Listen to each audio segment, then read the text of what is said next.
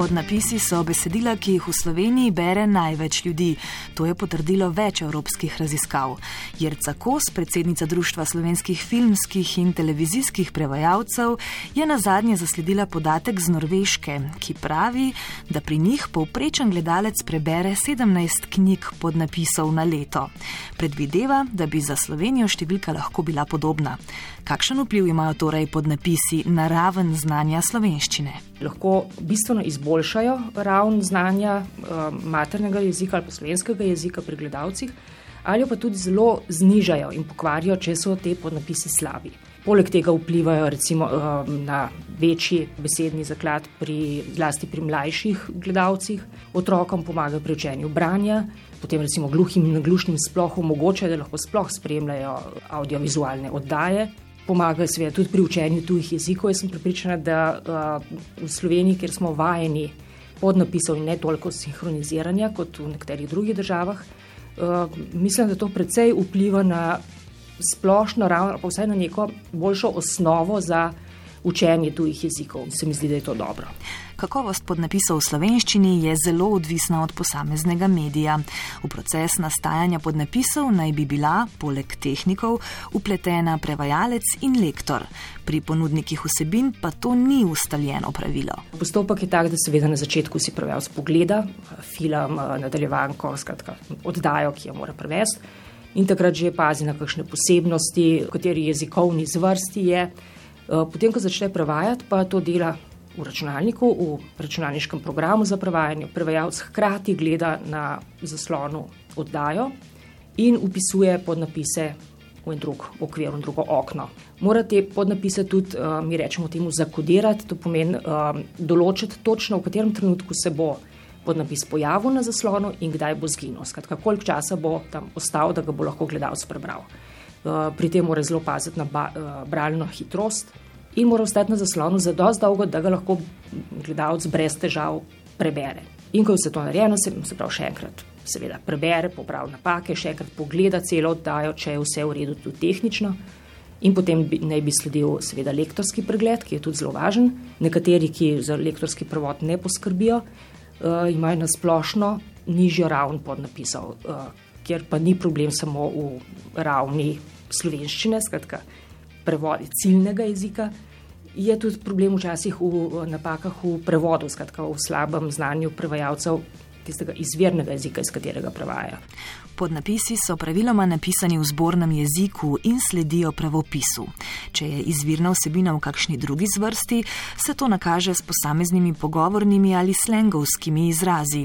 Pri govorjenju namreč pogovorni jezik deluje naravno, ko pa bi ga želeli zapisati, lahko izgleda nenavadno ali celo moteče.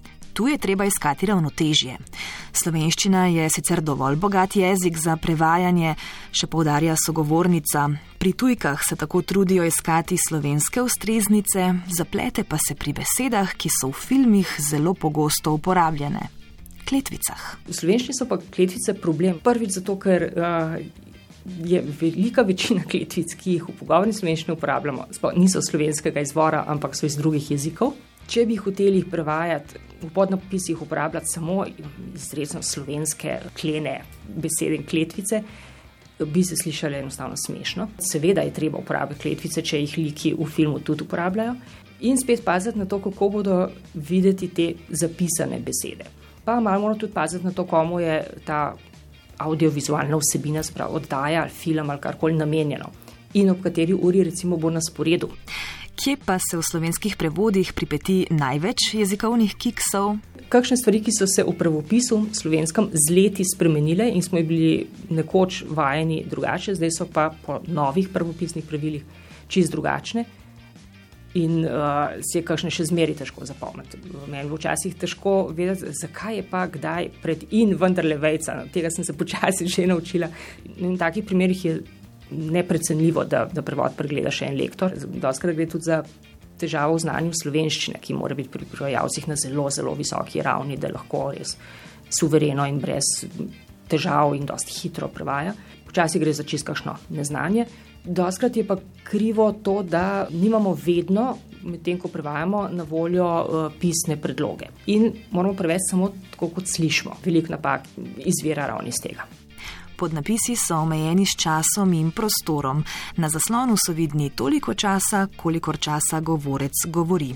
Obsegajo največ dve vrstici, vsak je lahko do 32 oziroma 42 znakov. Skratka, s tem smo zelo omejeni. Recimo, če imamo v slovenščini več enakovrednih ustreznic, izberemo krajšo. Ni nujno reči hitro, lahko rečemo brž, ker ima samo tri znake. Ali pa eh, če nekdo odgovori dogovorjeno, rajš prevedemo velja.